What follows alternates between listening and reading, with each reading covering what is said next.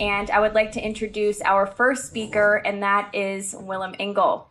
Willem Engel studied biopharmaceutical sciences from 1996 to 2001 at the University of Leiden and continued with a PhD in applied nanotechnology in single cell analysis from 2002 to 2008.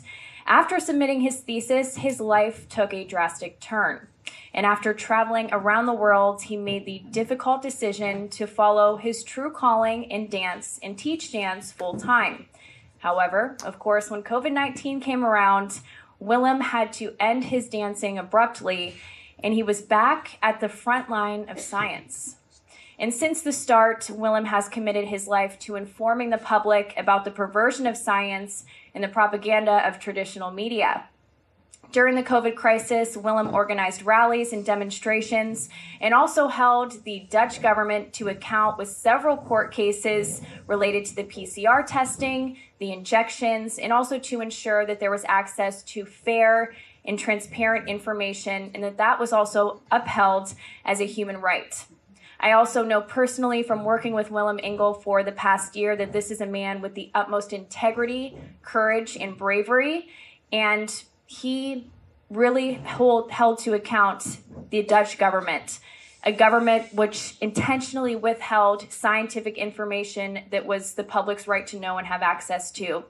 And when I think of Willem Engel's case and all he has sacrificed, I think of other people, especially Julian Assange, WikiLeaks founder Julian Assange, an award winning journalist who is imprisoned right now for three years for publishing information in the public interest.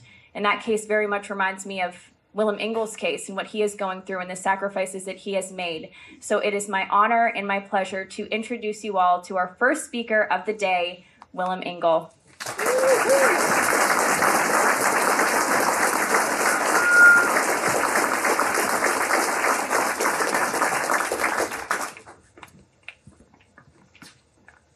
Hello. Thank you for coming. It's really good to see so many people interested in science and feeling brave enough to be uncensored. And I think that is the whole theme of today. And what we hope to achieve is that um, you propagate the message that we give to you. So all the presentations will be also uh, broadcasted online, and we hope that you share it as much as possible so that the public uh, gets to know about the truth behind the COVID, but also the truth behind what is steering the COVID or what is misusing the COVID. And my talk will be about one world, one health. And it might already give that feeling like one world government. Well, it's not that yet, but it's definitely the ideology that is used to get to a one world government. Yeah? So, what we can see here, I took two icons which depict the meaning of one world, one health the most. So this is an ideology that has been around for uh, for decades, but I think at the end of the 90s and definitely beginning of the 2000s, this was adopted by a group of very influential people. Now, the, the idea behind one world, one health is actually a really nice idea.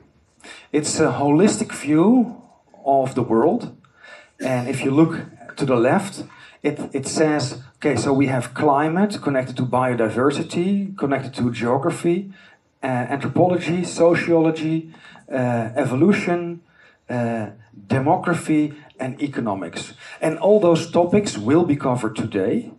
Um, now, of course, biodiversity and climate has already gotten a, a specific flavor lately. Uh, I will also touch upon that. Now, the idea is that human health should be um, in balance with environmental health and with animal health. Who could be against that? Yeah. Now, we sh we should and we could discuss this, and I think as an ideology, it's not a crazy idea, but it's the people that use this ideology to get to, to a certain political objective. And I'm trying to um, inform you how they do it and, and what are the, the handles to make you feel guilty. Because if we look at that uh, overlapping circles, in every circle, you have to make the sacrifice. Yeah? Not the corporations, the governments, climate, you can't ask anything of climate. Animals, maybe a bit, because we have to have less. Yeah? So we have to protect the animals by killing them. it's the same in store for us. Well, I'm not a, I'm not a doom thinker, um, but I feel that this is a control plan. And I think after the presentation, you have the same idea. Now, what is an ideology? And this I took from, uh, from a few websites. An ideology is a set of beliefs or philosophies attributed to a person or a group of persons in which practical elements are as prominent as theoretical elements. So there is an abstract idea behind it. And formally applied primarily to economic, political, or religious theories and policies. So this is more like a world vision, utopia. The term was coined in 1796 as science of ideas. And it already sounds a bit weird. Science, science is about facts. Yeah? Ideas you use for the hypothesis, uh, uh, antithesis, or thesis to do the research, but this becomes very abstract. And I think the, the lower one is the most uh, precise or concise political belief systems. And originally, the first talk was about Agenda 2030, but of course, they are very much interlinked and intertwined. A little bit about social engineering. So, social engineering is a, is a term that Karl Popper, one of my favorite scientists all times, um, has coined, and he describes it as follows the top down influence of attitudes and social behaviors on a large scale, most often undertaken by governments. Yeah? So, governments want to reorganize society, which is not bad per se, but it is very dependent on what is the goal, what is the objective, who are the stakeholder uh, holders, who can be held accountable.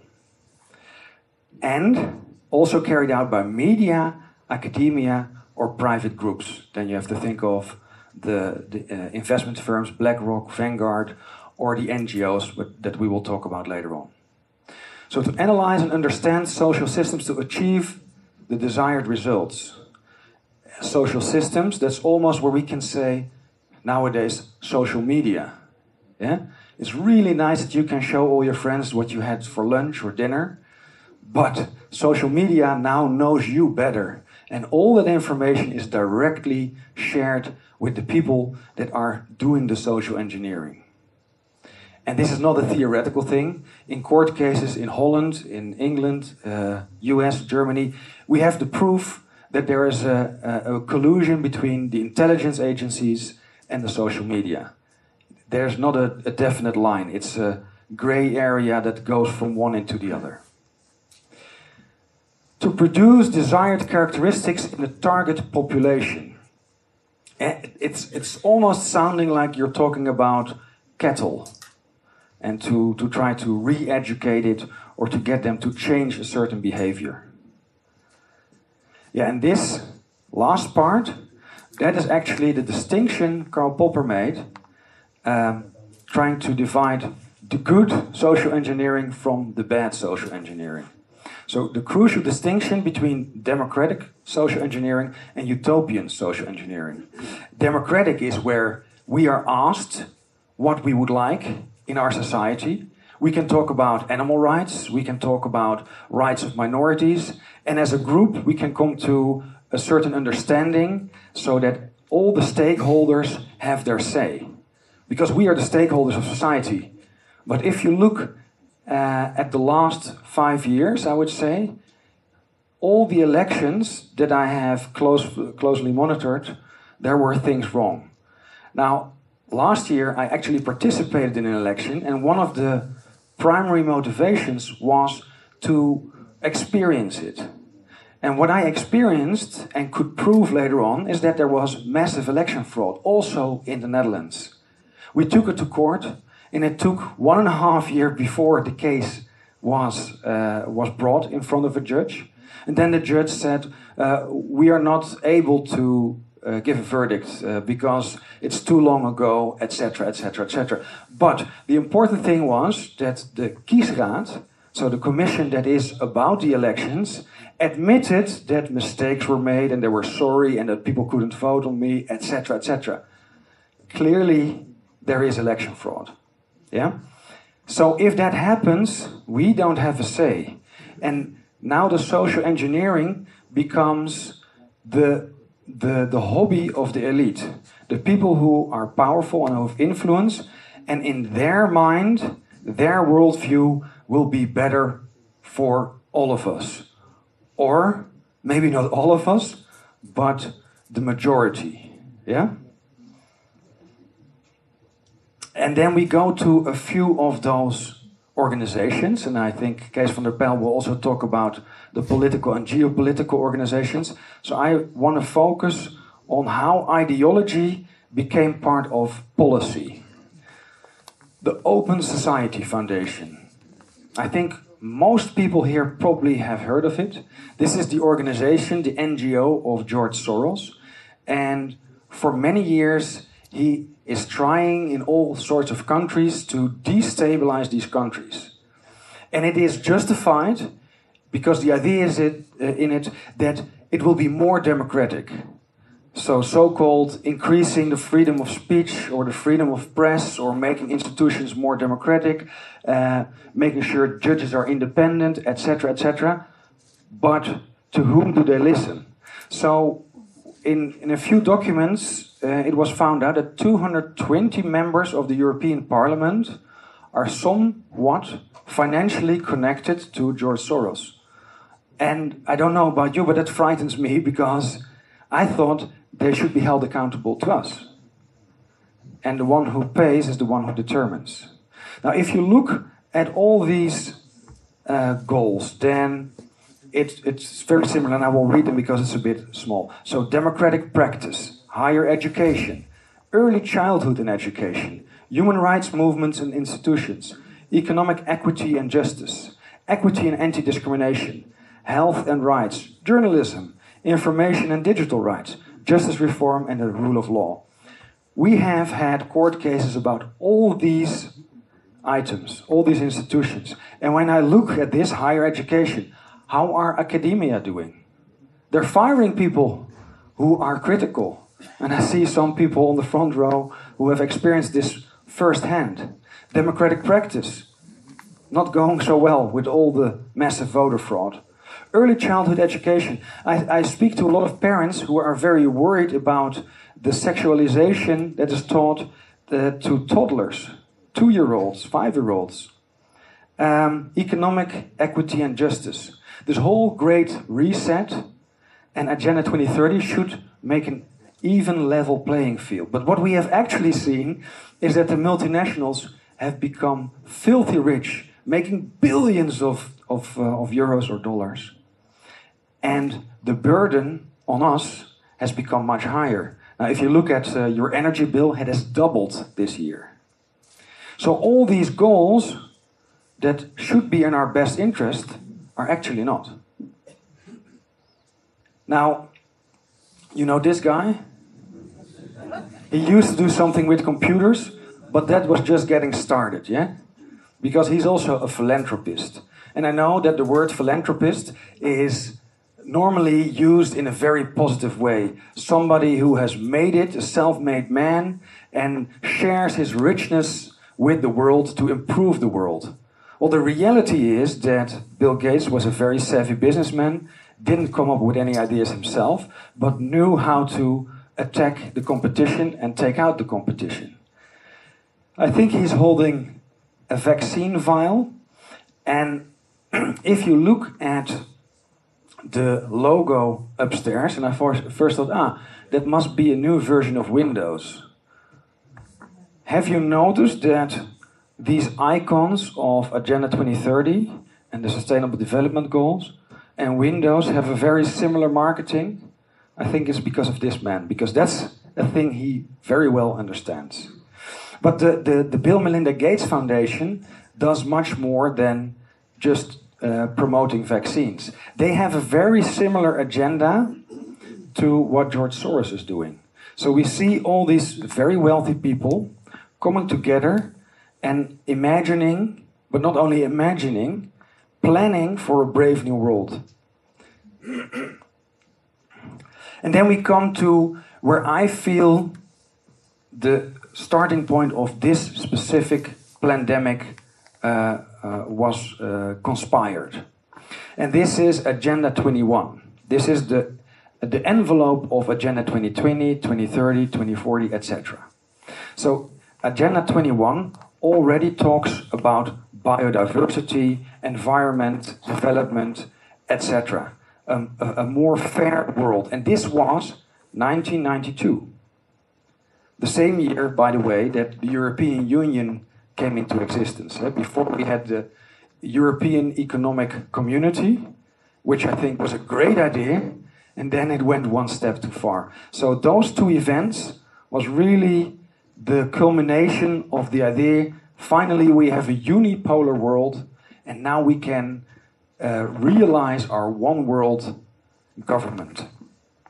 So this was then affected in South Africa, 6th of August uh, in 2002.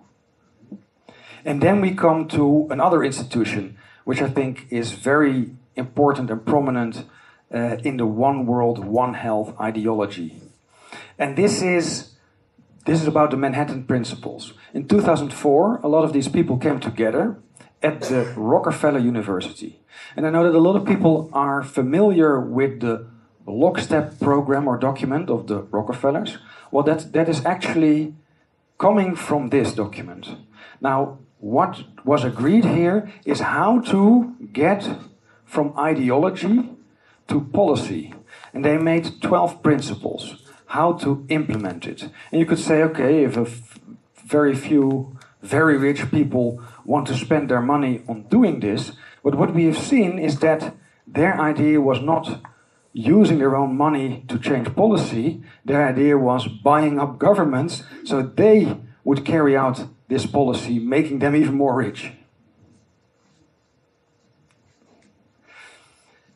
One Health becomes a recommended approach and a political reality. We're talking about 2008. Yeah? And underneath, we see the key players. A lot of people blame the World uh, Health uh, Organization, but it's much broader. And now, with the farmer uprising, I think it becomes more visible to people that this is a much wider agenda. So, the FAO, that is Farm and Agriculture Organization. The OIE, that is the Organization for Animal Health. The WHO is the Organization for Human Health. Remember, if we go back to the first slide, those are the three circles. Now, of course, you need a lot of money to realize these projects. So the World Bank was a strategic partner from the start, trying to implement from ideology, the one world, one health ideology, going to policy, trying to infiltrate, as Klaus Schwab would say, the cabinets. now, the European Union is heavily involved in this. In 2010, they adopted this, not yet into law, but into practice. And what you see since then is that all these um, uh, uh, regulations or proclamations, so it's not really law yet, but they uh, are advising or they are promising that this will come uh, to implement that one world, one health ideology and of course the United Nations, World Bank. So around 2010, the primary players were getting together and setting the plan.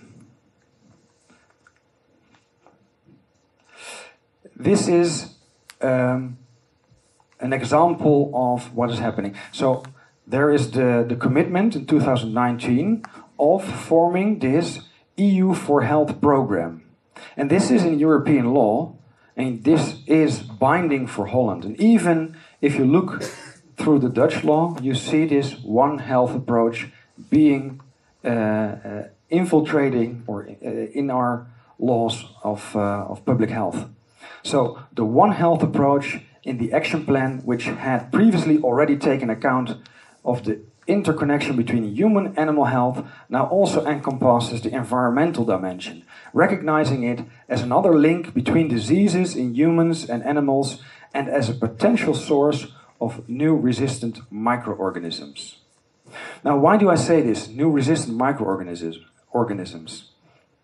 Now, the focus is a lot about viruses, but this idea actually is derived from antibiotics. Yesterday we had a talk, and I think most people were here already.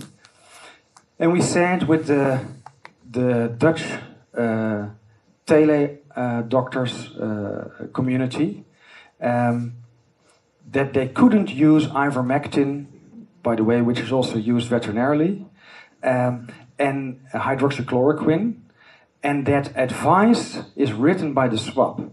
And that is the commission that is about antibiotics.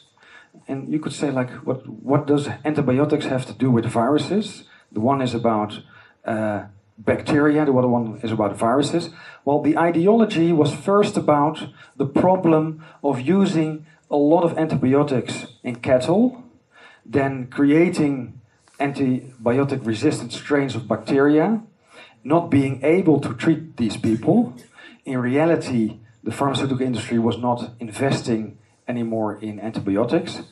So, how to solve a problem if you can't treat the patient? Yeah, treat the surrounding. And that's what we be, we've been doing. We, as healthy people, had to be treated with face masks, test distance, etc., etc. And that concept comes from this antimicrobial resistance.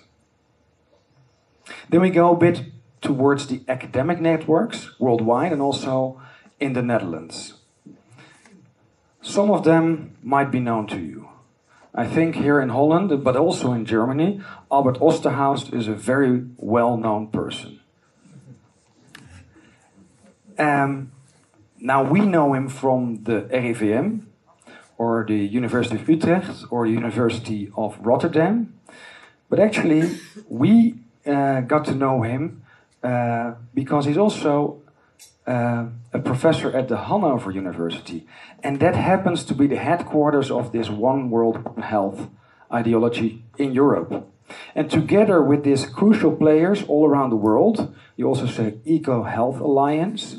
I don't know if people have followed the story about the origin of the virus and that Koopmans constantly had to do more research in China. And now finally she found out it must be from the wet market. Yeah? yeah.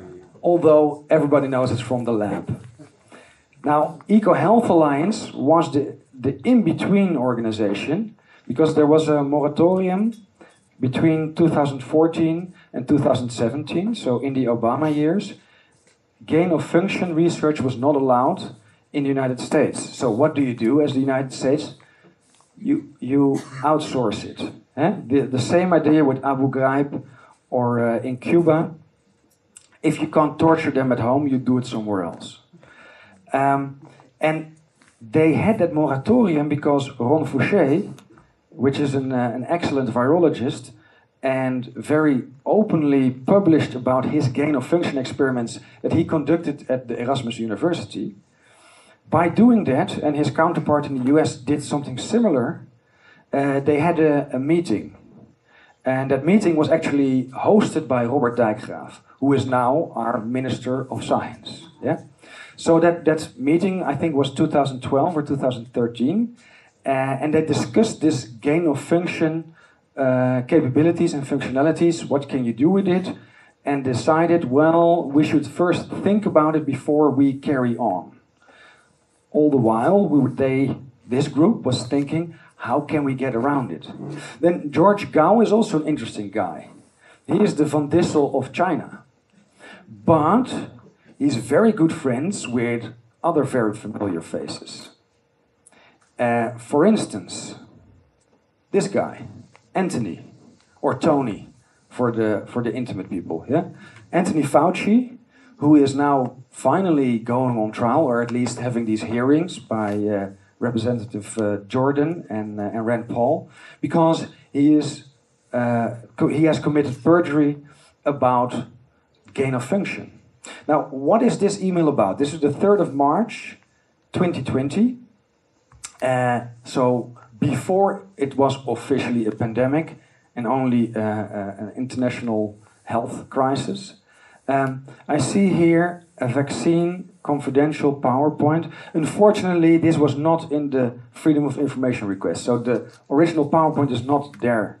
Um, but I am surprised that the Chinese uh, head of, uh, of, of the Health Institute is on a first name basis with Anthony Fauci and then sending the Chinese secrets, I guess, because this is about Chinese vaccines, sending them to Fauci. Uh, and uh, they're clearly trying to get the stories uh, together.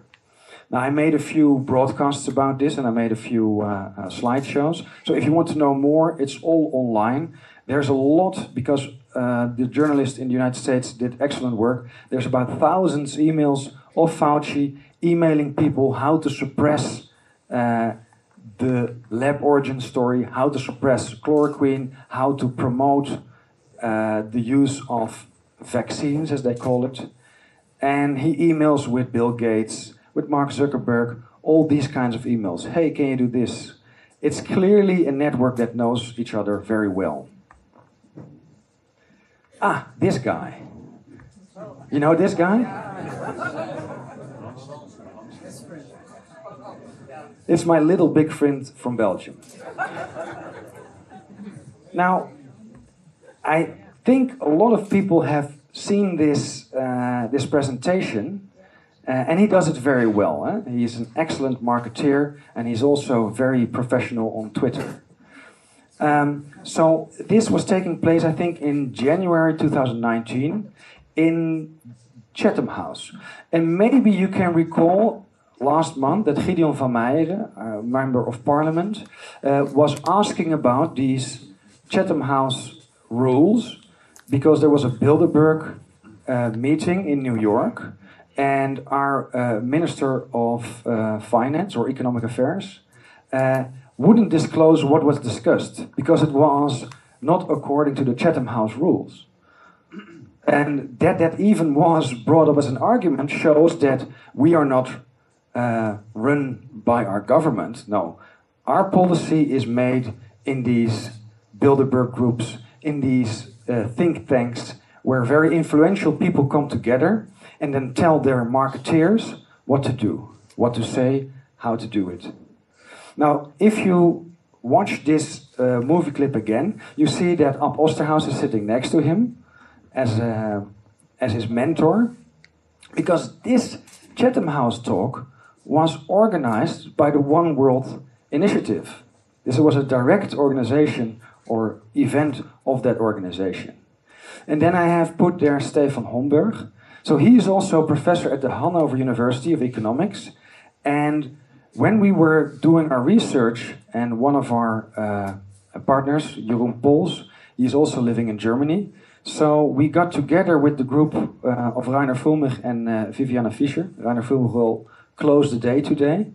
And they were also doing research, and they also stumbled over Ab Osterhaus, and mainly Stefan Homburg did.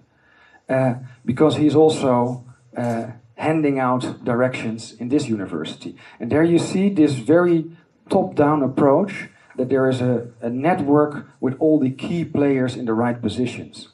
And I put one more thing as a remark there that Angela Merkel, the former uh, Chancellor of Germany, was already mentioned here because they were talking about media, how to get the media on your side.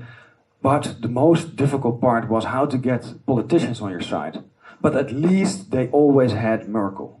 So you see, they admitted in this talk that they know of each other, who are the key players, and who is in with this ideology and is supporting it. Then we go to the industrial networks. And mind you, this is all still about this one world, one, health ideology. Of course, we see the World Health Organization, FIND, Gavi, and CEPI. And the lower partners are where the money is coming from. Those are the investment firms. So the Wellcome Trust, Unitaid, Global Fund, World Bank Group, names that you might have heard if you have uh, dived into the economic story behind it. Now, FIND, this is a consortium, but let's just call it what it is. It's a cartel of medical diagnostics. It's based in Switzerland. That's very easy, so Klaus Schwab can go next door. Um, and they do mainly PCR testing. Yeah, so Roche is the is the Swiss company that is uh, that has bought TIB Molbiol, and TIB Molbiol is from uh, actually from Drosten. Olfert Landt, I think, is the is the in between guy. But all his tests he made together with Koopmans are distributed by this organization. And sometimes I react to Koopmans her her tweets, and sometimes she replies, and she pointed me out to, well, don't ask me anything about reli reliability. Look on the Find website. So these are the uh, the overlords that take care of the things. Then Gavi and CEPI, I think, is very well known. And Gavi stands for the Global Alliance of Vaccines and Immunization. So they're really pushing for uh, the whole world to become vaccinated continuously. Now, what this organization and uh, also this manifest of the uh, One World, One Health ideology constantly hammers about is the vaccine hesitancy. That's their biggest enemy. And then it, it becomes a lot more logical why they are so against anti vaxxers. This term was very carefully chosen to make us criminals, eh, to make us the new terrorist. And then CEPI does the rest around. So all these manifests, if you read them, they're about diagnostic, vaccination, therapeutics. In reality, it is surveillance, control, and medical experiments. Now, I was talking already about this paradigm shift. Where did that idea come from that if you want to treat a sick person, you have to treat the people around him? Yeah, and this is uh, in one of these articles. Babette Rump is a doctor who is also uh, a medical ethical uh, uh specialist. Aura Timen, that's the number two, that's the right hand of uh, Van Dissel. And I took a quote from this article and then I traced it back. Where does it come from? So, measures are not merely justified because they do justice to effectiveness in preventing risks of harm, but they are justified because they do justice to our shared responsibility. One could argue that, as a principal objective, treating equal people equally and subjecting equal people to equal measures is ethically more defendable. Hmm. Sounds a bit strange, right? And maybe some people who wrote this article were really thinking about the best interest of a person not feeling stigmatized because they were isolated, because they were carrying uh, an antibiotic resistant bacterium. Um, but what it turned out to be was a, a full blown uh, war on people. Yeah, that we constantly had to prove our innocence by showing we were not a carrier of a deadly pathogen. And just to be safe, even if you were tested, still keep your distance, don't touch people, keep your face mask on because we don't want to hear you talk about it. So then I was tracing it back, and we come to 2013, and I, I found this article really interesting. So it's bioethics looking forward and looking backwards. And I took a few quotes of it. And it shows the mentality and the way of thinking. I really believe that a lot of people uh, which are in this plan and, and, and making it, or, or uh, the architects behind it, uh, passionately believe that they are doing it for the greater good. They're actually improving the world and we just have to take the hurdle. Some sacrifice has to be made, but eventually we'll get to a much more just society. Individual concerns are often highlighted while social good and social justice are often ignored or de emphasized. Well, that's a statement. I don't know if it's true, but this is the way these people think.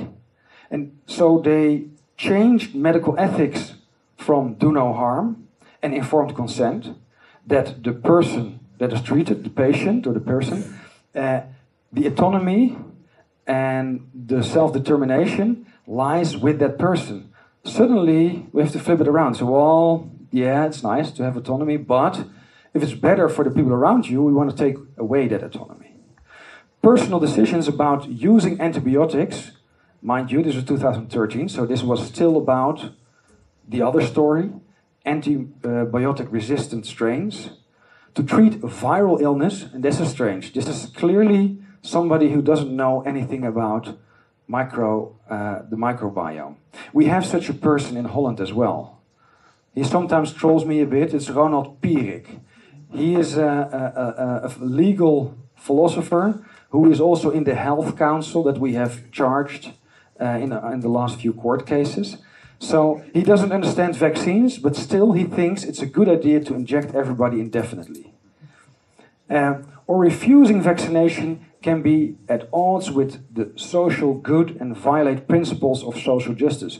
I didn't know we voted about principles of social justice. This is a new thing for me. It is disrespectful of autonomy to presume that people cannot adequately assess their risks. That might be true, but you first have to do informed consent. So now they flip it around. They say, well, that person can, can uh, go to the website and, and read about it. So why should we really try to protect their rights? They can do it themselves. Well, is that the case? There's always this hierarchy difference. If there's a doctor telling you something, until two or three years ago, most people said, oh, if the doctor tells me that it's good, I will take it. They have also championed protection of privacy that far exceed what would be required to meet ordinary people's reasonable worries. So it's very condescending, actually. Eh? Ordinary people. So this is how this group of people thinks about us. We are cattle. Reasonable worries. Who determines what is reasonable? And you see that these, these medical rights our medical file, our data. Well, yeah, that privacy, but that's a bit in the way. And Paul de Hert will talk a lot, a lot more about this. That there's this shifting in paradigm, and there's this disbalance trying to erode all our inalienable human rights. Ironically, these advances and their promise of a better life for individuals require us to re revise our thinking about whether research participation is entirely optional or, uh, or morally required. What does it mean? So, if the intrusion uh, of your privacy or of your body with a PCR test is not that grave, and it's not that grave because the judge said so, it's just a minor intrusion, maybe we have to think about is informed consent still reasonable? If your DNA altogether can save lives, I think it is good that the state should own it. And that's what is advocated here. Without broad participation, studies cannot provide accurate and complete knowledge about similarities and variations in the human genome and microbiome and cannot fully appreciate their significance. So it's not enough that just a few people volunteer. No, we need all of your data. And then we go to the Netherlands. The Netherlands is definitely one of the architect countries. We're high tech and we have a great network of universities that do exactly what the NGOs and the industry and the government says. There is very little in the uh, or independence, and if you look at these universities, these organizations, and I put a tweet of mine uh, next to it. So this is the partner network of the One Health Research. Yeah, this is existing. There is a Netherlands Center for One Health. This is an academic uh, envelope of all these universities, which have PhD programs, research programs, etc. ZonMW, we had, I think, three judges judging on our vaccination court cases who had an appointment in this organization. So, this organization is funding the research in these universities that is about PCRs or about uh, behavioral changes with face masks. That's mainly Utrecht. Uh, or uh, about the vaccine development, uh, Intravacc. Eh? If you uh, think of where that nice minister of, of health, Bruno Bruins, uh, Bruno Bruins went? Well, he got a job at Intravacc. Yeah? So he's now selling vaccines. By the way, if we look at Radboud, the brother of Hugo de Jonge is professor at Radboud, but also at Intravacc. Yeah, so you see all the right people at the right points. Then there was this outcry because, again, Gideon van Meijeren called Van Dissel corrupt. He is absolutely right. I made a charge against him because he lied in the court case against the curfew. He used falsified information. And then there was a big outcry of a lot of people in academia. Well, I looked at it, and 90 were from Erasmus, 52 were from Leiden, 36 were from Radboud, 33 were from Amsterdam. So, um, so this group of people is the same. Yeah, these are the people that are paid with this money. It's all this one world ideology. And then we get to maybe a warning, and I don't want to sound too uh, negative, because I think for the people who take care of themselves, who keep their head cool and their head uh, and their heart warm, this will not be a big problem. It might be a big problem for the people who drink the Kool-Aid, who constantly get the shots, and who end up with a with a defect immune system. So this law in Germany was changed, I think, in 2020, and I will read a, a part of it. So vaccines may be used that contain microorganisms that can be, that can be excreted by the vaccinated and absorbed by other people. The basic right to physical integrity is restricted in this respect. This is law in Germany already. So they're actually advocating well, maybe in the future we want to have self spreading vaccines, and then you should know that we made it legal that we inject this person, and then we don't need your consent because he will infect you, and in that case, uh, uh, vaccinate you as well. And lo and behold, September 2021, the United States did something similar. They changed the law so that all people working in, in childcare have to be injected with the measles injection. Now, last year I had a talk uh, at the Corona Ausschuss about the change in the law, but also that there was research done by the same network. Yeah. So then we're talking about the Paul Ehrlich Institute, but also Chapel Hill, where Baric is doing all these gain of function researches. He made a measles virus with the code of the SARS-CoV-2 spike protein in. So now my worry is that if they uh, make this mandatory and all these people working with small children, where it's ethically uh, unattainable to make it mandatory for these small children to have these COVID 19 injections, how to get to these groups? Well, I inject you and you do the rest of the work. Yeah? It also brings uh, light to these shedding events. We had one in Holland. Dansen met Janssen. Very clearly a shedding event. People were injected with an adenovector. Some of them integrated it and started shedding it. We saw a huge spike that went away uh, directly, completely.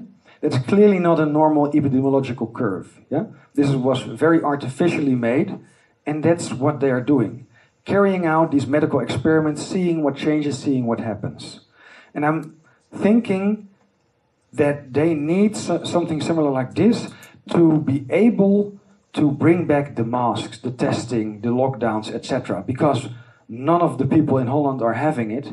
We don't want to be locked up again. So, what will they think of next? And then we come to the greater picture because this is one world, one health. Everything is connected. Now, I took three items that I think are very prominently in the news. That is COVID 19, CO2, and nitrogen. So COVID-19 is human health. CO2, that is environmental health or global warming, climate change, etc. And nitrogen is animal health, or at least uh, animal health and biodiversity, because we have to have we have to get rid of the animals so we can have hay fields. Yeah, poor soil because we like poor soil so much in Holland because it's a rarity. Yeah, we have a very rich soil in Holland, and that's why we're such a uh, producer of agricultural things. So they all follow the same pattern, and I think Mattias Desmet has touched upon this many times with his theory of mass formation. We have an in, invisible enemy. Yes, all of them. Individual sacrifice. Behavioral adaptation. We have to change what we do together, or flying, or eating. We should not allow to eat meat anymore. We're not allowed to fly anymore. We're not allowed to touch anymore. And with the monkeypox, we shouldn't have sex, just to be sure. Yeah. so you see that this scam, this mechanism, is constantly the, the, the same. For the greater good, you as an individual have to make these sacrifices. And then we look at how do they achieve it? it's always with faulty data. If you look at COVID 19, the PCR test, now we know, yesterday, I think Hadic gave a very informative talk of that the PCR is a technique that you can use to aid in a diagnosis, but testing people who are healthy makes no sense at all. It's not licensed, it doesn't say anything. So that's a recipe for faulty data. Same thing with the nitrogen emissions. If you don't measure the whole circular thing, then you get to what I compare to asymptomatic spread. We know that asymptomatic spread doesn't really exist. Maybe a few cases, but it doesn't drive any uh, uh, epidemic. Same thing goes for the dry deposition. So you have ammonia, and I don't know if people have worked in the lab or uh, even uh, cleaning the kitchen. So it evaporates. How do you think it gets into the soil again? Only happens when it dissolves in water droplets and rains back. So, yes, we have wet deposition, but dry deposition doesn't really exist. So, same thing goes for CO2. And constantly, all these faulty assumptions, crappy data, are put in scientific models, what they call scientific models. In actuality, this is political models, policy models. How to get from this ideology, where we have a set goal, and sell it in a scientific jacket or envelope. So I think that is the, the scheme behind it, and I hope uh, that what you take away from this talk is that you see it much earlier. That you see, ah, this is again that one world, one health uh, schematic or mechanism, the in invisible enemy, the individual sacrifice, the behavioral adaptation, the political uh, objective, the, the, the faulty assumption, the crappy data, etc., because it's all following the same pattern and having the same goal, and that is social engineering. And with that, I come to the end of my talk. Thank you very much for listening.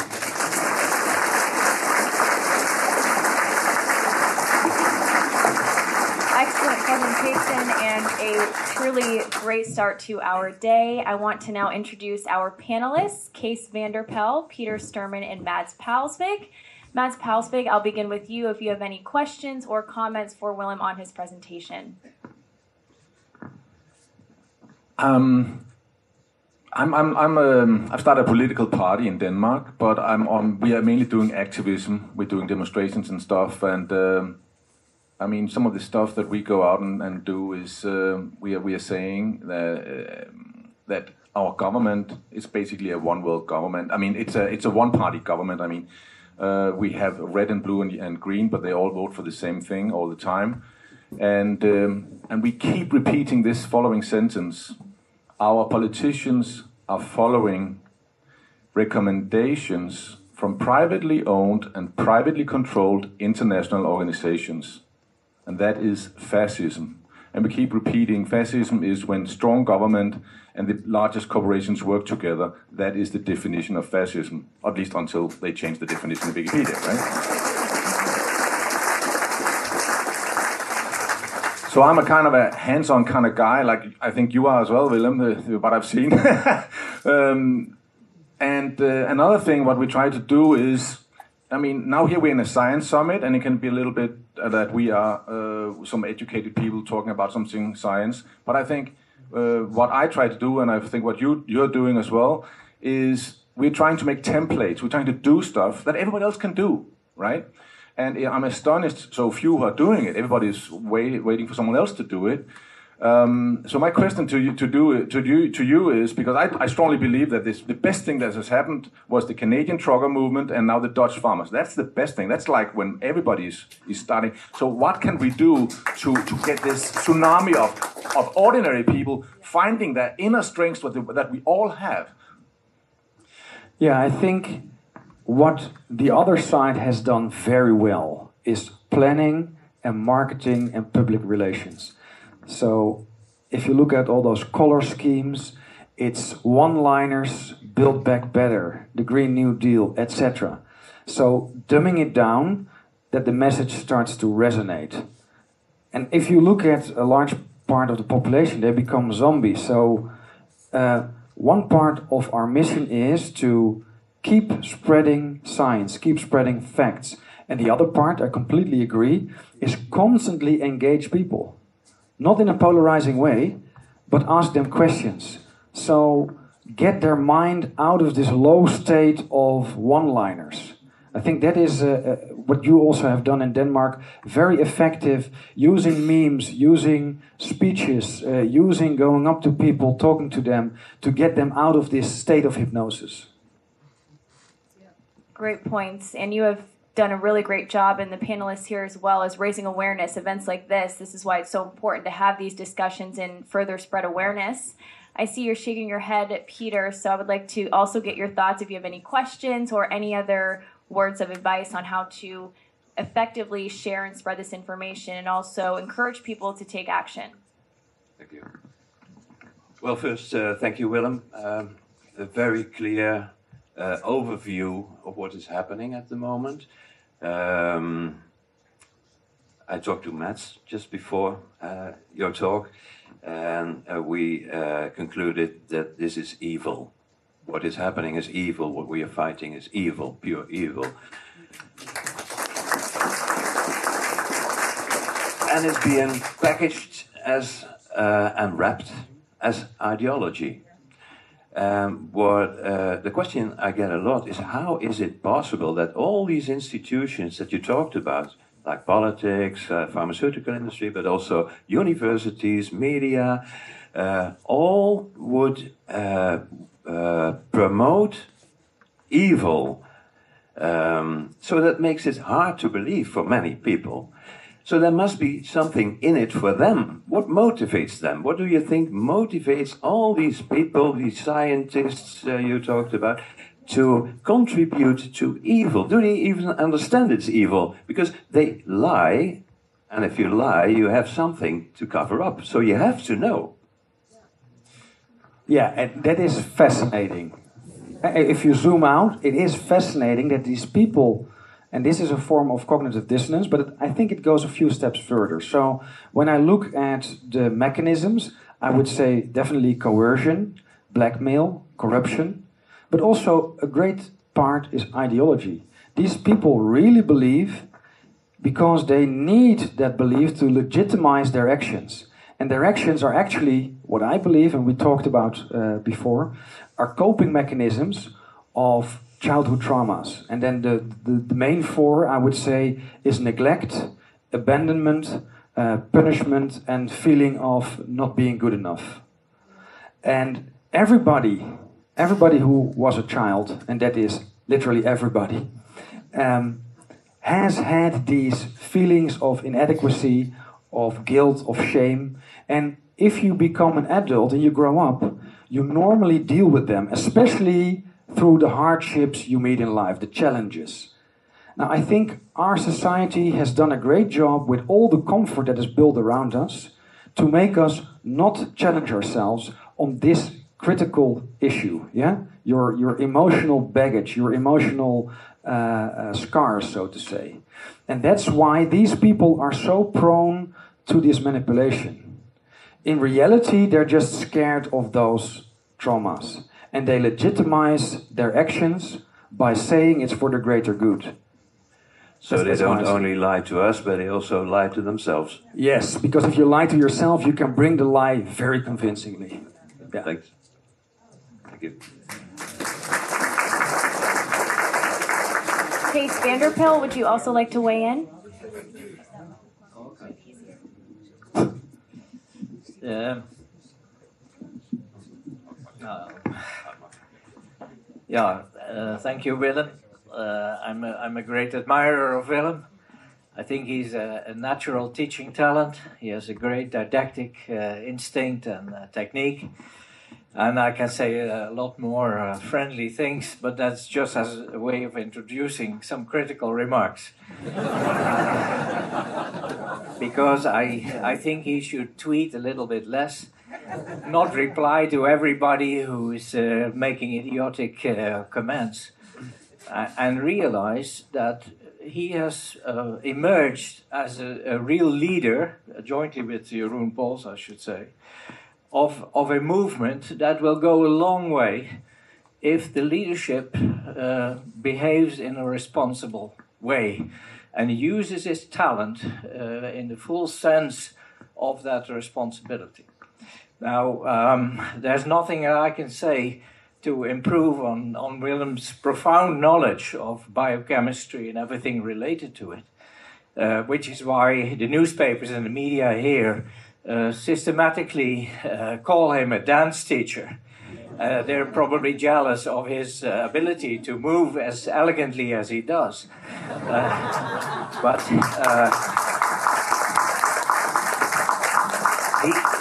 he, is an outstanding figure in his original field. I've told him a few times he should have finished his PhD just to help us out in the current situation. Now, uh, there's, there's one area where I just wanted to make a little uh, comment, and that is your admiration for Karl Popper. Uh, on the one hand, you say it's the philosopher you admire most. On the other hand, you uh, are very critical of the role of George Soros. Now, George Soros was a student of Popper and named his Open Society uh, Foundation after one of the most vicious works that Karl Popper uh, wrote, and that was The Open Society and Its Enemies.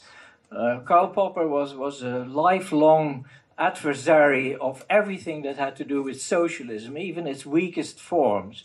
And he thought that his contribution should be to, to show that uh, it, what, in my view, are the greatest thinkers of our time, Hegel and Marx, were the enemies of, of an open uh, society. And I think that connection should be recognized. Few people know that Karl Popper was one of the founding members of the Mont Pelerin Foundation, jointly with Friedrich Hayek, which laid the foundation for what later became neoliberal economy. And neoliberal economy means the removal of all social protection, throwing everybody into a void and, and making them only able to, to take care of themselves because there will be nobody else who takes care of you.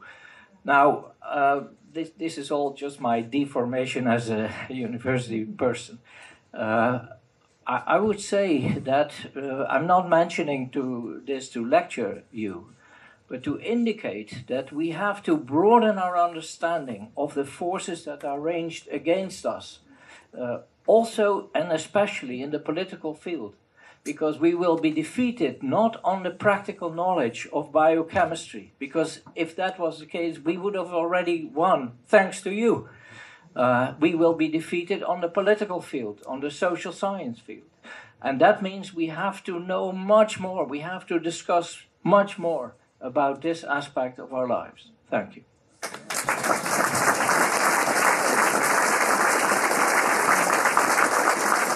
All right. That's if I can comment. Of course, go ahead. So that's why I brought it up because uh, most people who have great ideas are not always in every aspect great people. So why I admire Karl Popper is not because of his book Open Society and Its Enemies. Uh, of course, I acknowledge that he coined it social engineering, and I think that is very important because that's exactly what Kees is talking about. This is a behavioral experiment the, the, the, the financial stuff, the medical stuff, it is the cloak. Yeah? But the dagger is the social uh, engineering. Now, personally, I admire Popper because he came up with the falsification theory. And I think that is crucial to determine whether something is causally related or not. And so he also gave the medicine or the antidote against fake science. Everything that you test every hypothesis you should falsify. If it's not falsified and only verified or uh, validated, it's not proven. And this is constantly with this circular uh, reasoning in these models. That's the problem. So we need Karl Popper in the models. We don't need Karl Popper to show us the way. All right, fantastic presentation and discussion from our panelists. Uh, Willem Engel, I want to thank you again for your presentation and also present you with this gift. Thank you.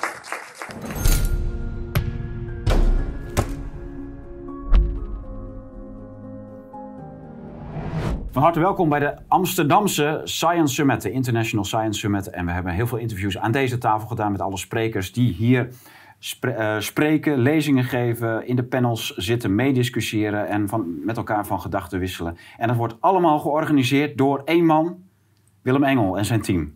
Nou ja, dat is een beetje te veel eer, maar ik ben wel mede-organisator. Ja. Nee, uh, goed. Je, maar, maar, jij hebt natuurlijk wel echt, je hebt voor de gasten uh, een groot deel aangedragen en uh, je coördineert heel veel. Dus natuurlijk, er zit een heel team van mensen en ik ben, ik, ik ben vol bewondering dat dat team zo, zo mooi loopt hier. Dat, dit weekend is zo goed georganiseerd. Dat is toch heel fijn.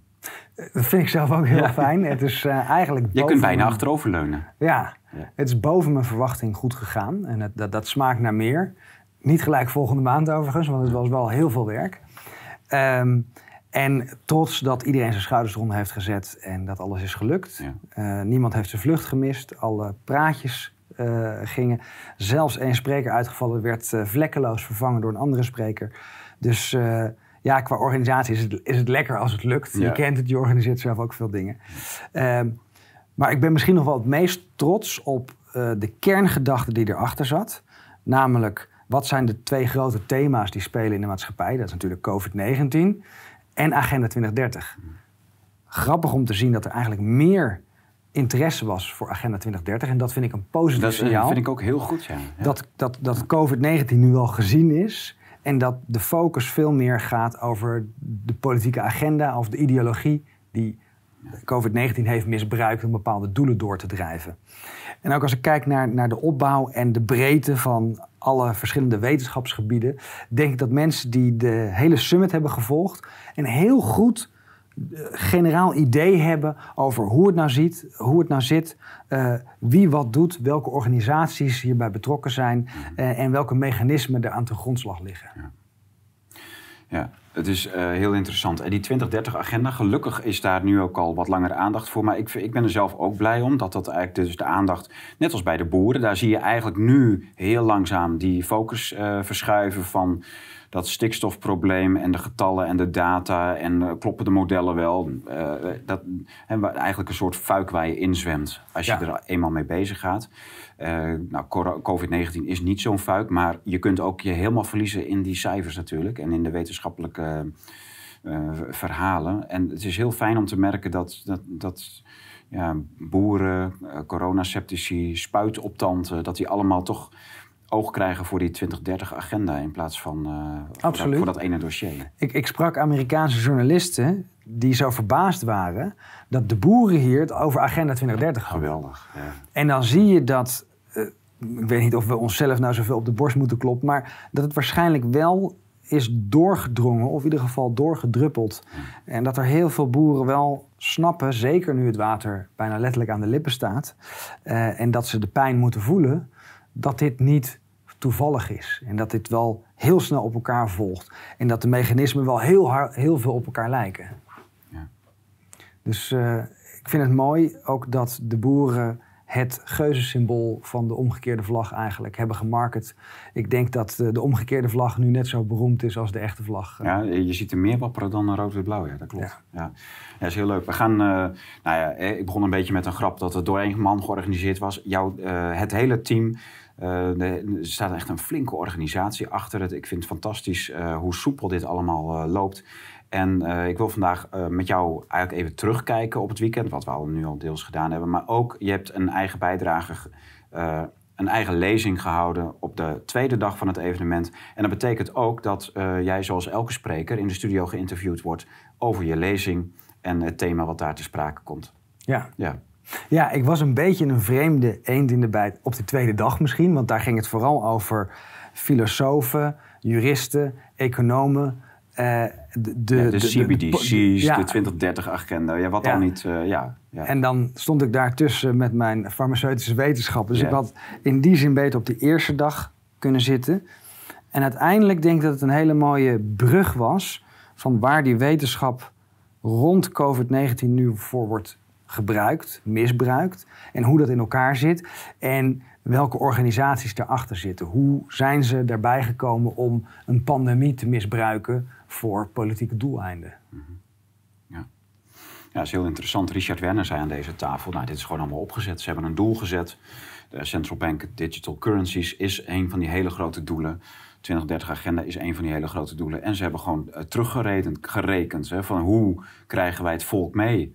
Ja. Nou ja, eh, dus Event 201, om, eh, die hoefde van hem niet eens op tafel te komen. Want hij zei van ja, de meeste mensen die weten dit toch wel.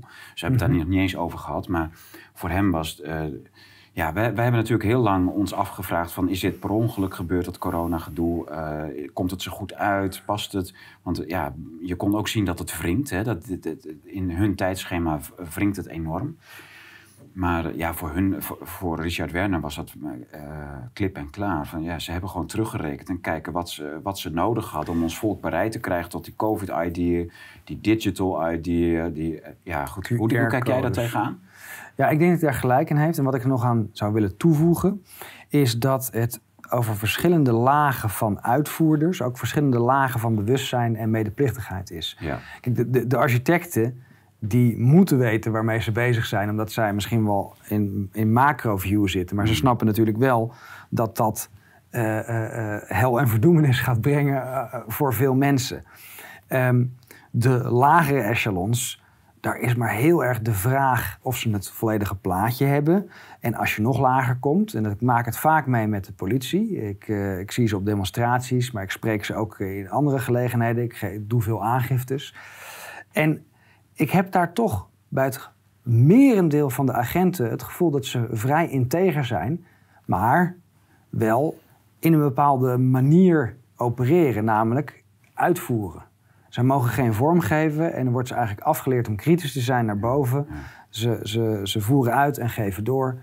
Eh, en dat is het. Dus Ja, maar de, het, het maken- instrumentaliseren van Ja. al deze diensten. En die lagen daarboven, die, die weten steeds meer. En dan kom je inderdaad bij de lagen waar, waar Richard Werner het waarschijnlijk ook over heeft. Is de mensen die eh, de financiële policies maken. Echt de planners. De planners. Ja. ja. Ja. Nee, dat, dat klopt. Ik vond dat interessant dat we eigenlijk nu een, eh, een internationaal sprekers, eh, sprekerspool hebben eigenlijk met zo'n kaliber. Dat, is- Richard Werner, Catherine Austin Fitz, dat zijn, dat zijn grootheden. Ehm, die, eh, die, die, die dit, eh, ja, dat is gewoon voor, voor hun helder. Die hebben gewoon op een hoog niveau meegekeken. ja. Eh, ook al langere tijd. En dat, dat is heel fijn dat het. Maar even terug naar jouw eigen verhaal, denk ik. Dat is, dat is natuurlijk. eh, we moeten de, de, de kijkers moeten we wel, net als alle andere sprekers, jouw eigen verhaal kunnen. ja. kort kunnen Ja. samenvatten, eigenlijk. Ja, dus waar ik heel erg in geïnteresseerd ben geweest, is de vraag: maar waarom doen ze het dan? Ik denk dat dat de, de blokkerende vraag is voor veel mensen: van ja, maar het kan niet zo zijn dat de pandemie wordt misbruikt. Het is waarschijnlijk incompetentie. Ja, oh, heel veel. zelfs als het na twee jaar wereldwijd keer op keer dezelfde fout wordt gemaakt, wat statistisch gezien onmogelijk is. Dat kan niet gebeuren zonder coördinatie. Dan nog hoor je, ja, maar ze spreken wel met elkaar en ze kunnen het allemaal niet. En ik, nou ja, dit grenst aan eh, wishful thinking in de zin van, als ik toegeef dat het andere waar is, dan wordt het wel heel bedreigend. Want dat betekent dat de wereld waarin ik leef Ja. niet waar Ja, is. en daar kunnen ze niet aan. Nee. Nee. En waar ik het in het praatje vooral over heb gehad, is dat social engineering. Er zijn mensen die het niet willen, willen zien. En omdat die mensen er zijn, zijn er andere mensen die daar gebruik van maken om de maatschappij te kneden. In een vorm die zij beter achten. En dat wordt dan gelegitimeerd met the greater good. Ja, en het dat- hele idee... hele idee van social, social engineering, dat is toch al, dat is, dat is al 100 jaar oud. Was, hè? John Dew- Dewey had zo'n hele school om zich heen met, met eh, weet je, die neef van Freud eh, zat daar nog bij. Propagandaboekjes schreef hij. Jaren 20, jaren 30. Dat moet toch. Ja, Ja. ja, dat, is, dat idee is zo oud dat je. Ja, en heel veel van die concepten die zijn oud. En het, het, het, het vreemde is eh, dat heel veel mensen zeggen...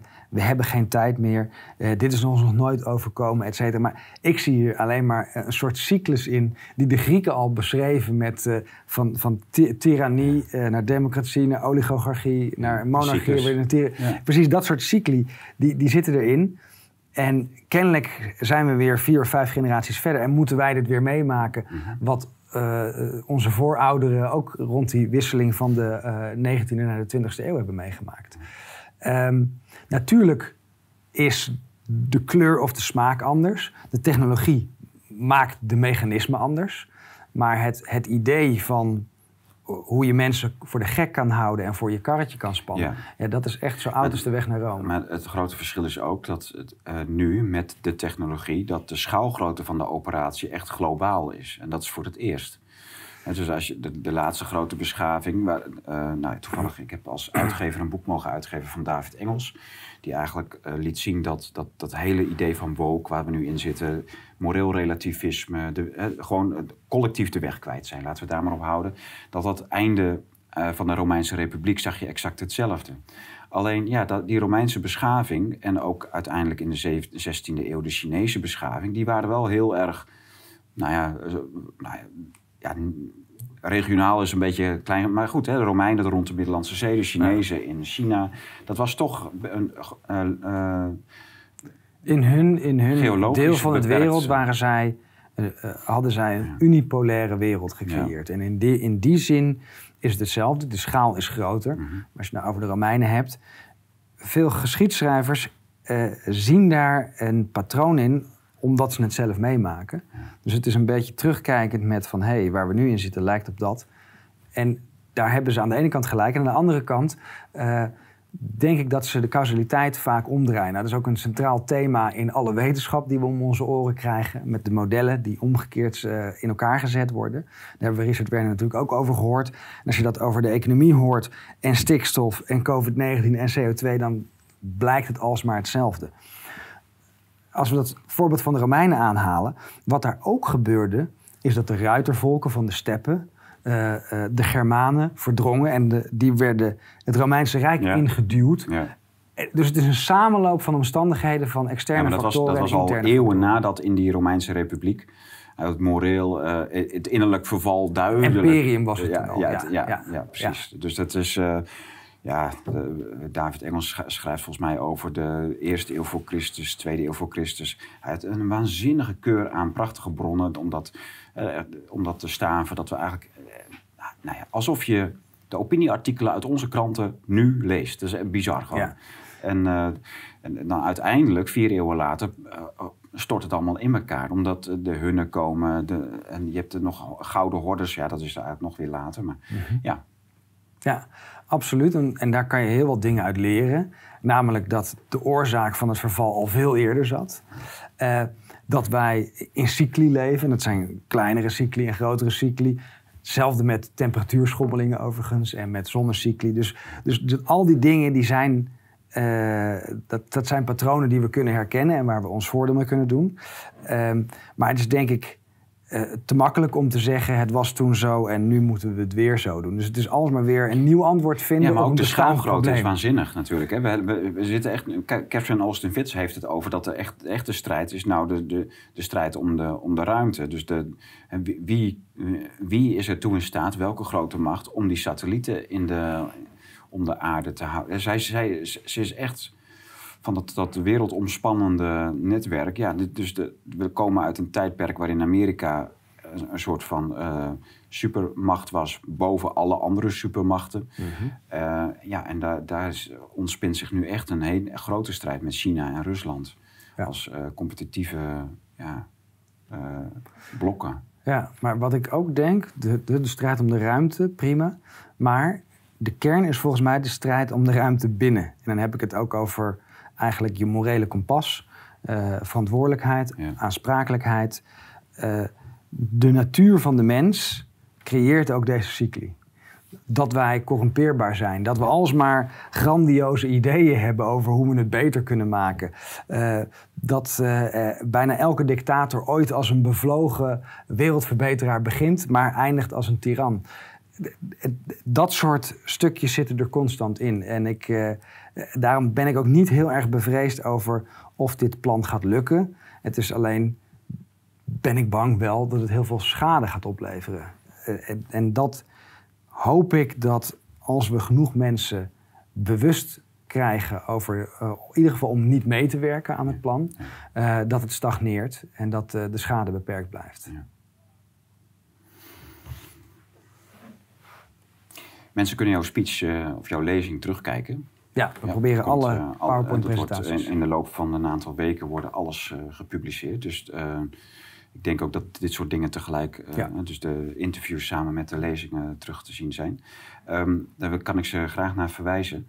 Ehm, nog even terugblikkend op deze, dit weekend. Ehm, heb, je, heb je echt iets geleerd? Of gewoon inhoudelijk waarvan je denkt, oh, dit heb ik nog niet, dit wist ik niet. Ja, qua details toch wel eh, hele interessante dingen. Eh, als ik naar vandaag kijk, eh, Kees van der Pijl die heel goed uitlegt over hoe al die transnationale gemeenschappen zijn ontstaan en hoe die eigenlijk opereren en waar de macht dan echt zit. Eh, Richard Werner natuurlijk met eh, alle aannames en economie tot wetenschap verheffen. En het eh, retroactief modellen in elkaar zetten, waardoor ze altijd zeggen wat je wil. En dat, dat laat dan weer heel erg de gelijkenis zien met de andere gedragingen of bedrog. Ik vond het, het praatje van Hadic eh, geniaal in de zin dat hij een Mercedes-ster gebruikte om uit te leggen hoe, wat de zin en onzin is van een PCR-test. Eh, dus sommige vlakken waren, waren nieuwe dingen, andere waren bevestigende dingen, andere waren meer over het didactische van hoe kunnen we de boodschap nog helderder overbrengen, zodat je niet meer je hoeft te verliezen in het uitleggen wat eh, nucleïnezuren zijn, maar dat je het inzichtelijk kan maken van oh, maar dat stuk gereedschap is niet geschikt voor dit klusje. Heel beeldend. Ja, die Hadic die had wat dat betreft echt een, een, een retorisch eh, toverkunstje uitgehaald. Hè. Dus Ja. Heel, van begin tot eind een kloppende analogie mm, van, eh, om te laten zien hoe die PCR-test werkt en wat je, wel, er- wat je wel en niet mee kunt doen. Ontzettend leuk, ja. De zaal eh, heeft het echt gewaardeerd. Lag ook plat Ja. van het lachen af en toe. Ja. Ja. Ja, en er was natuurlijk een, ook een, een bewogen, maar ook een heel inhoudelijk eh, betoog van eh, Dolores. Die koppeling maakte van de, de fraude met eh, de testen en eh, de, de, eigenlijk wat er allemaal is gebaseerd op antibodies. Eh, Pierre Capel eh, eh, laat ook een hele authentieke, eh, didactische manier zien de, de zin en de onzin van de verhaaltjes rond de wet market. En aan de hand ook van sequenties dat het dus van laborigine moet zijn. En ik, ik denk dat alle sprekers hun, eh, hun gebied heel goed hebben beschreven. En ook tot de kern zijn gekomen van ja, maar waar gaat het hier over? Hoezo is er een discussie over een PCR-test? Hoezo is er een discussie over een virus of over de bijwerkingen? Eh, dus ik, ik ben heel tevreden en ik hoop dat mensen gaan binge-watchen en eh, de hele Ja. 20 uur achter elkaar kijken. Ja, heel leuk. Heb jij ehm, eh, gemerkt dat sprekers het onderling misschien niet eens met elkaar waren? Ehm, nou, deze mensen hebben zich allemaal al een keer uitgesproken. Dus eh, in, in die zijn, zijn ze eh, ja, gepokt en gemazeld. En, en hebben ze hun ideeën al goed kunnen slijpen aan de buitenwereld. Ja. Natuurlijk zijn er wel ideologische verschillen over hoe je bepaalde dingen moet aanpakken. Eh, er was nog even een, een, een vraag tussen Kees van der Pijl en iemand uit het publiek over kapitalisme en communisme. En ik had die vraag zelf ook. Maar daar kom je al snel in de beleving van bepaalde woorden. En, en dat is dan altijd wat je moet aftasten. Eh, veel mensen noemen dit neocommunisme. Anderen noemen dit weer neofeudalisme. Anderen noemen dit weer eh, eh, corporate greed of corporatisme. En van al die onderdelen zit er wel wat van. En het is meer je eigen beleving van wat jij als kapitalisme ziet of wat jij als communisme ziet. Dus ik denk dat dat soort discussies onderling laten zien dat er eh, zeker ruimte is voor debat. Ja. En dat in, dit, eh, in deze summit is ook het publiek bij het debat betrokken. Eh, dat ging heel erg goed. En wat het aanscherpt, is in ieder geval voor de sprekers, maar ook voor het publiek, om nog beter te duiden. Om heel erg bewust te zijn van hoe bepaalde woorden Ja, worden gewoon de, de beleefd. definitie, eh, Juist. is de, de definiëren van dingen is heel belangrijk. Ik heb een keer een heel eh leuke debat gezien tussen eh, Catherine Austin Fitz en Ulrich Mies. De, eh, Ulrich Mies is iemand die komt uit de linkse hoek. Catherine Austin Fitz duidelijk van de Ameri uit het Amerikaanse conservatisme. Heeft eh, in de Bush-regering gezeten of actief geweest. En ehm, ehm, ja, eh, dat was een ontzettend leuke clash van, eh, over kapitalisme onder, onder andere. En eh, Catherine is zeer belezen, hele intellectuele vrouw. Die, die, die ziet dit niet als communisme, wat je vaak toch bij populair rechts ziet. Ja, het communistisch systeem van de WEF. En, ja, zij, zij, zij is heel erg van het definiëren van woorden. Hè. Dus op zij op een, wat, wat Ulrich als kapitalisme wilde wegzetten, zei ze nee, dat is een soort van, dat is eigenlijk een soort piraterij. En dat kon ze heel goed onderbouwen, zodanig dat Mies ook zag van ja, dat is, dat is eigenlijk veel scherper dan wat ik zelf voor ogen had. Ja, nou, dat vond ik ook mooi dat Kees van der Pijl dat zei van ja, het is eh, hyperkapitalisme. Nou, dan kom je nog van is het kapitalisme of corporatisme? Want Ja. ik denk eerlijk gezegd dat je het hebt over het, eh, de kartelvorming, waardoor je het kapitalisme of in ieder geval Ja. de vrije markt Ja, dan kom je uitschakelt. toch weer bij de oude termen als monopolie, oligarchie, daar, kom je toch bij uit. Daar, daar kom je toch bij uit. die, en Grieken, die Grieken hebben het eigenlijk gewoon allemaal vastgelegd. Hè? in die zin kun je wel. niet, niet Want toen zonder- was het ook al cyclisch. Die hebben dat ook al in die honderden jaren meegemaakt.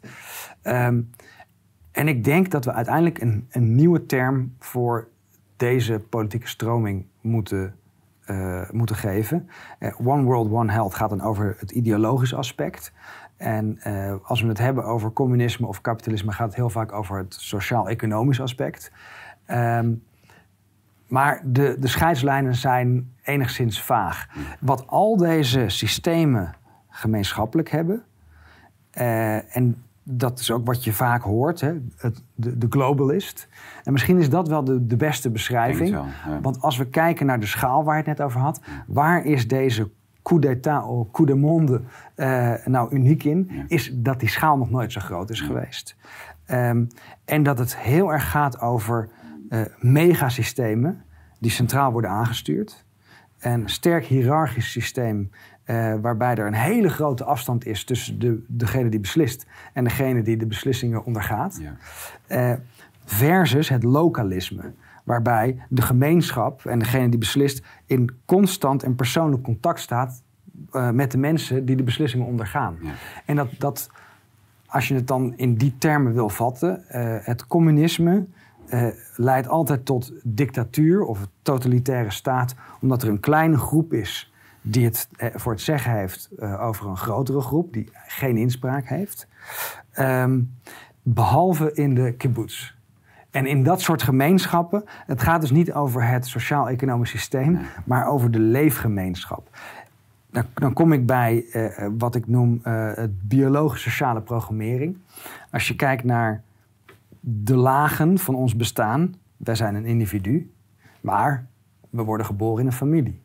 En groeien op in een gemeenschap. Dat is hoe de mens al eh, was voordat hij mens was. Als je het Darwinisme aanhangt en denkt dat we van de apen komen. Maar je ziet het dus bij heel veel zoogdieren. Bij mensapen, bij dolfijnen, bij wolven, bij leeuwen, bij eh, olifanten. Die leven in superfamilies. Dus dit is, dit is iets wat heel erg imprinted is, wat in ons DNA zit. Ja. Maar wat- staat die heeft dat eigenlijk gewoon overgenomen in de Juist. 20e eeuw. Wat was de staat? Een vierde, niet dus biologisch, maar wel sociale programmering, een social construct. En wat we nu zien met het globalisme is eigenlijk een laag eromheen. En die is in competitie met al die andere lagen. Die vijfde laag van het globalisme wil nummer één worden. Dus we moeten ons individualisme opgeven. We moeten de familie opgeven. We moeten de gemeenschap opgeven. En we moeten de staat opgeven. En dit, die vier, dat was het internationaal socialisme natuurlijk ook. En in die zin lijkt het daar weer heel erg op. Eh, maar het heeft ook andere aspecten. Dat ben ik helemaal met je eens. Dus we, moeten dus kun, misschien je, kun je niet achteraf noemen. concluderen dat het, het socialisme eh, via overheidswegen proberen te bereiken, wat het kapitalisme via eh, de markt proberen te bereiken, namelijk Ja. toch een soort ja, schaal om de, om de, om de wereld bereiken met, met ja, één, één overheidslaag, één bestuursvorm. En, en ja, goed, je, op een gegeven moment in Amerika kregen ze dat door en toen noemden ze dat ja, where big money meets big government. Eigenlijk is het gewoon dezelfde agenda. Ja. En dat wij. Dan zou je weer terug kunnen gaan naar de jaren 20 van de vorige eeuw. Mussolini, die uit de socialistische partij in Italië werd geschopt, die startte toen zijn eigen partij eh, van het fascisme door de staat en de, de, de, het corporaat samen te voegen. Dus dit, van al dat soort dingen, of je het nou hebt over communisme, feodalisme, eh, oligarchen, fascisme, overal vind je wel wat overlap. Maar dit is een eigen beest. Ja. Ja. Ja. ik vond het het meest interessante wat eh, bij. eh, je ziet op een gegeven moment in het leven van Michel Foucault, de Franse eh, filosoof. En die komt duidelijk uit die linkse hoek ook. Is op een gegeven moment zijn, zijn toch wel zijn links-rechts denken. Is vervangen door het ja, onder versus boven denken. En dan en op een gegeven moment krijg je zijn hele beroemde eh, reeks eh, colleges. En dat is de geboorte van de biopolitiek. Is dat dus, dus een boek geworden, zo heet dat, geboorte van de biopolitiek. Dat is zo'n waanzinnig boek. Dat is eigenlijk eh, een beetje die. die eh, ja, het is meer, meer dan hè, de onder naar boven of de, de, de animositeit van onder naar boven. Maar dat is eigenlijk een beetje de verandering die wij in, in, ons land ook hebben gemaakt. Hè. Wij komen natuurlijk allemaal uit de tijd van Fortuyn versus eh, de, de gevestigde kliek. Eh, op een gegeven moment Wilders heeft dat een poosje. En dat werd allemaal als rechtspopulisme neergezet. Maar je ziet toch dat het, hè, dat, ofwel eh, systeemdenkers versus men- mensen die dan buiten het systeem staan. Maar in ieder geval, er is een heel andere, heel ander paradigma. Absoluut. sluipende wijze eigenlijk bij ons allemaal. Ja, en ik, en ik denk dat dat goed is, want dat hele links-rechts denken is in definitie al polair. Of je nou Ja. plus, min of links-rechts of noord-zuid doet, het zijn twee punten die tegenover elkaar staan. En, En eh, wat- daartussen wat- zit ook weer een spectrum. en daar zit een spectrum op. Ja. Maar wat veel realistischer is, is om, om in ieder geval eh, eh, meerdere spectra aan te houden. Multidimensionaal. Nou, als, we, als we kijken naar links-rechts, dan moet je het eigenlijk hebben over progressief versus conservatief. Dan moet je het hebben over lokaal eh, versus globaal. Eh, eh, en dan, wat zou je tegen liberaal zetten? Is dat dan weer conservatief of is dat juist sociaal? En zo zijn er allerlei ogenschijnlijke tegenstellingen te maken waarmee je meer een veld maakt of een driedimensionele ruimte waarin je positioneert.